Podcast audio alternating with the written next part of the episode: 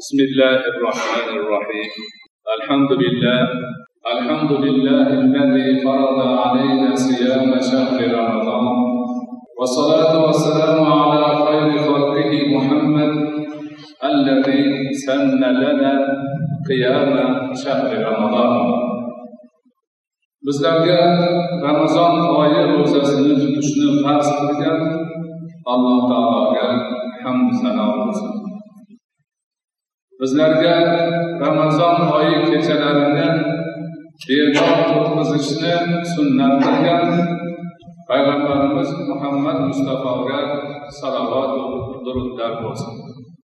Allahümme lesenni lema ce'atahu sallan ve inşirte ce'atani ahmesallan bi kudretike ya Erhaman Rahimin. Esselamu aleyküm ve rahmetullahi ve berekatuhu. Aziz va muhtaram din qardoshlarimiz allohga beadad hamdlar sanolar bo'lsinkim o'zining ulug' va muborak oyiga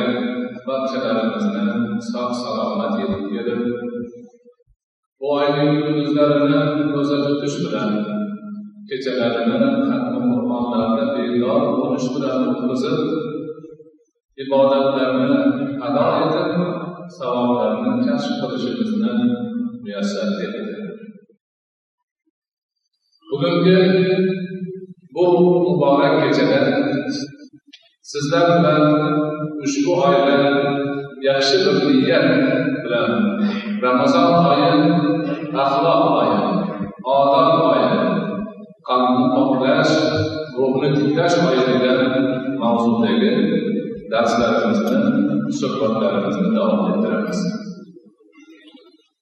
kecha shahrimizni masjidlaridan birida xuddi sizga o'xshagan azizlarimdan ikkinchi darsni o'tgan edik u darsimizda qalbni poklash nafsni tozalash xulqni sayqallash ilmini maqsadi nima ekanligini bu borada qur'oni karim oyatlari payg'ambarimiz alayhissalotu vassalomning hadis shariflari namunalaridan undan so'ng bu ilm sohasida ruhiy tarbiya ilm sohasida bitirgan ba'zi bir ulug' allomalarni shaxslari va kitoblarini eslab o'tdik oxiriga kelib bugungi kunda o'zimiz tarafdan ta'lim qilingan ba'zi bir kitoblarni jumladan islom ma'naviy jinoyatlarga qarshi degan kitobni hadis va hayot silsilasidagi niyat ixlos ilm kitobi ham shu bobda ekanligini undan keyin yaxshilik va axloq kitob degan inshaalloh o'ttiz to'rtinchi juz bo'lishi ana o'ttiz beshinchi juzi zikr duo istig'forga bag'ishlanganligi undan keyingisi kitob adab ekanligi undan keyingisi zuhd kitobi ekanligini mana shu yerda bu ilmga يعني insanlık tanrını paylaşmış yani. İbadetine hem hayatına ruh kirlitiş ilmi yani. Tezkiyetin nefs ilmi yani. Tehzibin ahlak ilmi de bu ayet. Allah'a Bundan sonra yana bu düşür yoldan Azaki tercüme tarikasında İmam Bukhari'nin anamını kitabını, İmam Hasan Nalvazi'nin kitabı bir bir vasiledir. Yani yaşlılık vasileyi ben kitabını shuningdek imom ibn abi dunyoni makarimul axloq kitobini va boshqa kitoblarni tarjima qilinganligi sizlarga qisman taqdim qilinib qolganlari tayyorlanganligini ham aytib o'tdik. Suhbat oxirida mana shu ilmni rivoyatlari kelgan oyatlari hadislarini hammasini olib mukammal bir ilm sifatida sharh qilib o'zimizni sharoitimizga moslab ruhiy tarbiya degan bir kitob qilingan bu kitobni yarim ming betdan ortiq ekanligi uchga bo'linganligi har bo'lagi besh yuz sahifadan ko'proq ekanligi. Birinchi bo'limi poklanish deb atalishi ikkinchisi tiklanish deb atalishi uchinchisi to'planish deb atalishi va ularning bor ba'zi mavzularni gapirdi. Endi bugun sizlar bilan ana shu darslarimizni davom ettirib mazkur kitobda keyingi boblarida ba'zi bir so'zlarni aytib suhbatlashamiz. Boshqa barcha ibodatlar insonga zarur narsalar insonni hayotida kerak bo'ladigan narsalarda zarurati birinchi o'rinda turgani kabi qalbni poklash nafsni jilovlash xulqni sayqallash ilmi bo'lmish ruhiy tarbiya ilmida ham hammadan muhim ilm ilmni yaxshilab egallagan odam bu ishni ham yaxshilab amalga oshiradi siz bilamizga ma'lumki bizning dinimiz islom dini ilm dini. Buni hech kim inkor etolmaydi keling ilm nimaligini bilib olaylik ilm degani Ben bu savolga bir çok ko'p kishilar İlmi berdim ilmiy javob ya'ni ilmni nima ekanligiga ilmiy javob Çünkü chunki o'qimaganmiz o'rganmaganmiz ruhiy tarbiyalarimizda dars bo'lmagan shuning uchun bilmaymiz ilm arab ayn lom mim moddasidan bir söz. Aslında şu modda मेलिमास patient शुरू शुरू पाया बंदा बंद पे इस पर अर्चना आगे على علم بيرجع كمان بيرجع وش بتاع نفس اللغة اللغة لازم تدرس أنا بقول أنا شو بس كثير وتركنا قرارات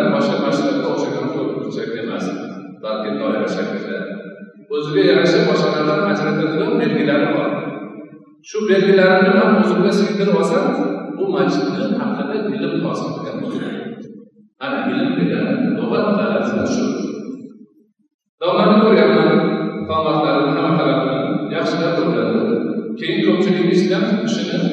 ajrata oladi. Demak bu kishini belgilarini bilib oldim man bu kishining haqida ilm hosil ana ilmni lug'aviy ma'nosi shu. Ilmni istilohiy ma'nosi nima desa ulamolarimiz aytishadi imom juzjoniy aytadilarki ilm voqelikdagiga muvofiq qarashda mustahkam aqidaga ega bo'lish voqelik bor shu voqe narsani ko'rib aynan o'zini ko'rganida shunday e'tiqodi mustahkam bo'ldi ana ilmni istilohda aytiladiki bir narsani voqelikda qandoq bo'lsa shundoqligicha idrok etish ilm hisoblanadi jahlni teskarisi bilimsizlikni teskarisi ilm ana endi mana shu ilm bizni dinimizda yuqori qo'yganimiz islom ilm din qur'on so'zini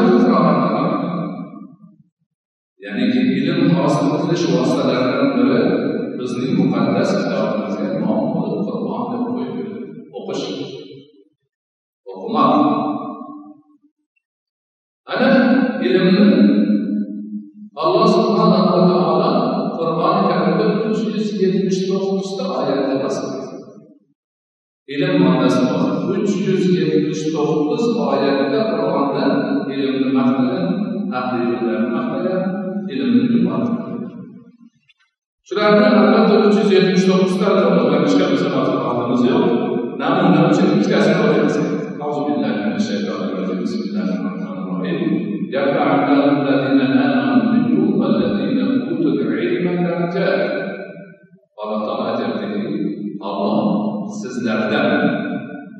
iymoni bor. Iymon keltirgan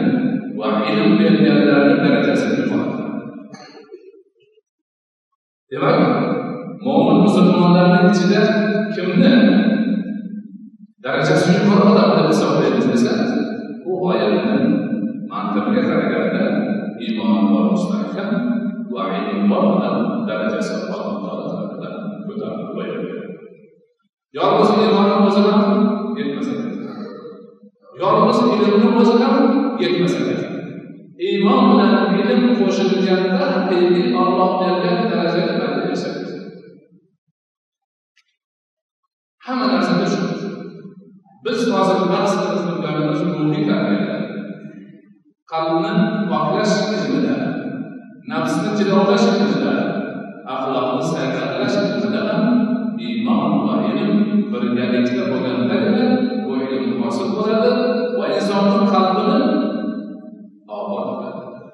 Ichki dunyosini go'zallashtiradi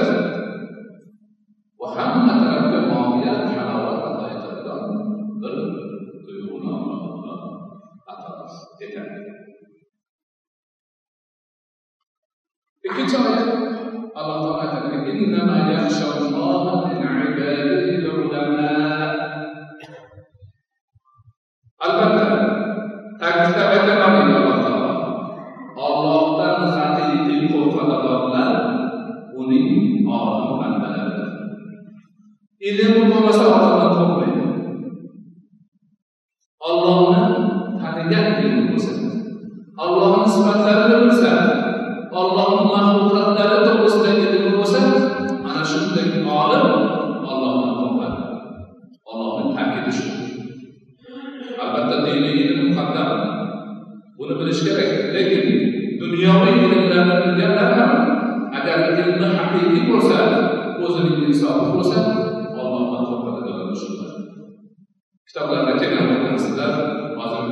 eng mashhur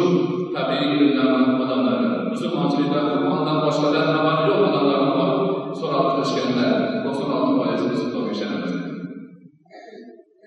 dunyoviy ilmlar tabiiy fizika kimyo tibbiyot okean ilmlari tog' toshlar ilmlarini ham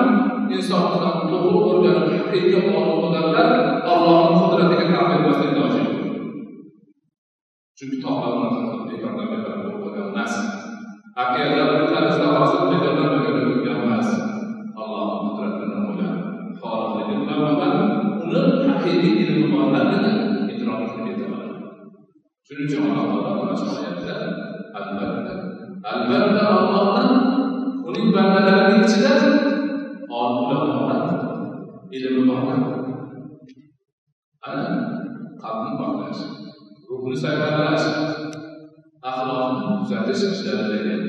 ruhiy boyligimiz ichimizni pok bo'lish ma'nosidagi ilmda ham demak allohdan qo'rqadigan bo'lsak shunga yarasha ilm olishimiz kerak bo'lar ekan shuning uchun ilmni bizni dinimizda farz qilgan habib payg'ambarimiz sevimli payg'ambarimiz muhammad mustafa sallallohu alayhi vasallam aytdilarki talabul har bir musulmon shaxs borki uning uchun talabi ilm qilish ilm talab qilish farz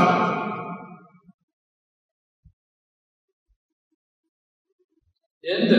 shu ilm talab qilish farzligi ikki qismga bo'linadi farzi ayn farzi kifoya farzi ayn deganimiz kishi boshiga farz bo'ladigan narsa har bir mo'min bor musulmon bor erkak bor ayol bor yosh bor farq bor balog'at yetganidan keyin o'zini boshiga shaxsiga farz bu ilmni man o'rganib qo'ysam ukamdan soqit qolmaydi yoki bolamdan soqit qolmaydi ukamdan o'zi ham o'rganishi kerak bolam ham o'rganishi kerak hamma o'rganishi kerak bunaqa farzi ayn bo'lgan kishi boshiga farz bo'lgan ilmlar mana shu hayotni o'tkazish uchun kerak bo'lgan bola qiz o'sib voyaga yetdi balog'at yoshga yetdimi shahodat la ilaha illalloh muhammadu rasululloh aytib iymon keltirish farz balog'atga yetish uni dalilini aytib berolmaydi dalilini keyinroq hujjatini keyinroq lekin hozir shahodat keltirishi har bir balog'atga yetgan mo'min musulmon bolasiga ana endi o'sha aytgandagi namoz vaqti keldi o'qishimiz boshiga farz bo'ladi farz yurib yurib xudo muhabbati dunyo berdi olim hisobga yetdi bir yilda bo'ldimi o'n yilda bo'ldimi demak endi bu zakat berish kerak endi zakatni o'rganishni o'rganamiz boshqasi o'rganib qo'ysa bilmayman deyishga haqqi yo'q chunki o'zi berishi kerak o'zi o'rganadi mana buni ba'zi ayn deyiladi bunga o'xshagan narsalar dunyo ishlari o'zlarini yuritish oldi soqit qilish oldi soqit uzoq narsalarni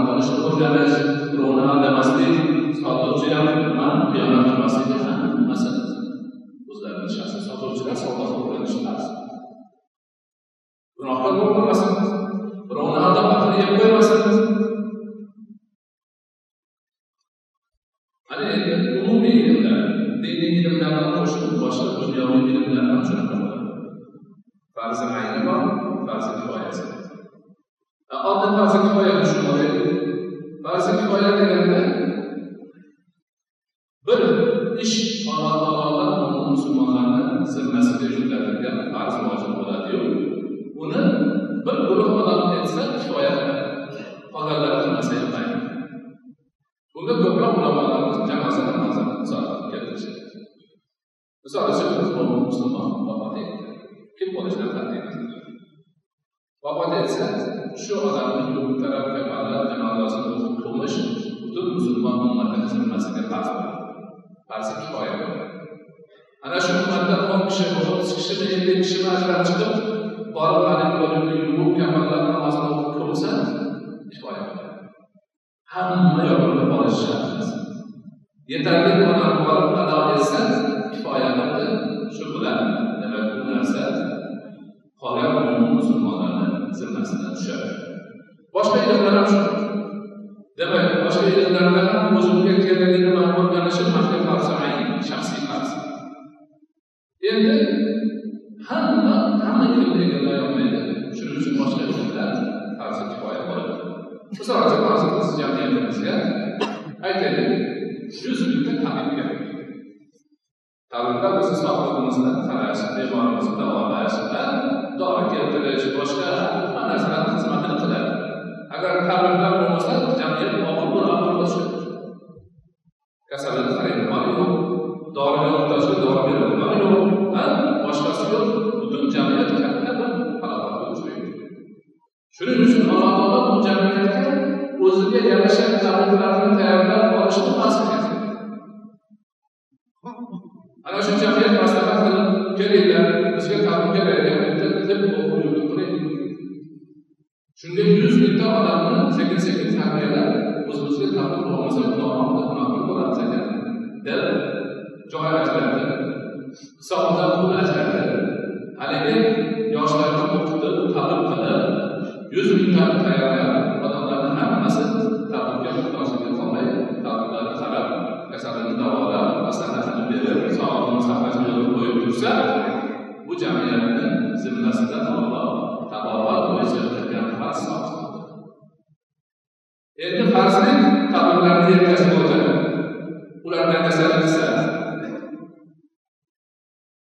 kishini vijdonan bajarmasdan jamiyatda tib sohasida borganlari bo'lsa kasallar qarovsiz qolsa dorilar o'zlari kelsa o'sha tib bo'yicha mas'ullar xudonomda javob berishadi hamma ilmlar shunaqa handasa bo'yicha kompyuter deymizmi qurilish deymizmi novvoymi hammada hamma sohada jamiyatni talabini qondiradigan ilmli kishilar bo'lishi kerak. Bo'lmasa haligi gunoh hammamizni mana ilmlarni o'rgandik ilmni lug'aviy ma'nosini istilohiy ma'nosini farzligini ba'zi ayni ba'zi kifoya ekanligini boshqa taraflarini o'rgandik mana bu narsalarni biz yaxshi bilishimiz kerak endi haligi qalb pokligi nafsimizni tozaligi axloqni saytani tarafga bo'lsak ulamolarimiz aytadiki demak diniy ilmni bilaman desa avval e'tiqodini topmaydi aqidaga kerak bo'lgan narsani o'rganadi keyin amal qilishi lozim narsalarni o'rganadi uchinchisi qilmasligi lozim narsa.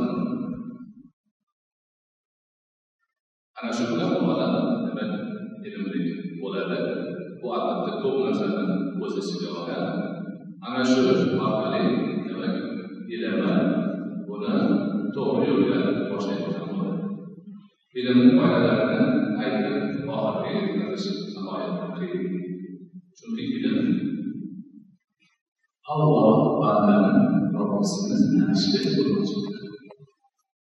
alloh taoloni banda ilmi bo'lmasa bilolmaydi tanish bilan birga unga bandalik qilishni ham aynan ilm ko'rsatadi ana shuning uchun ilmli bo'lishi ibodatni ilm o'rgatadi yashashni ilm o'rgatadi ilm odamlarni yurayotgan yo'lida oyog'ini ostiga qarashlardan qanotini qo'yib turishni ham rasululloh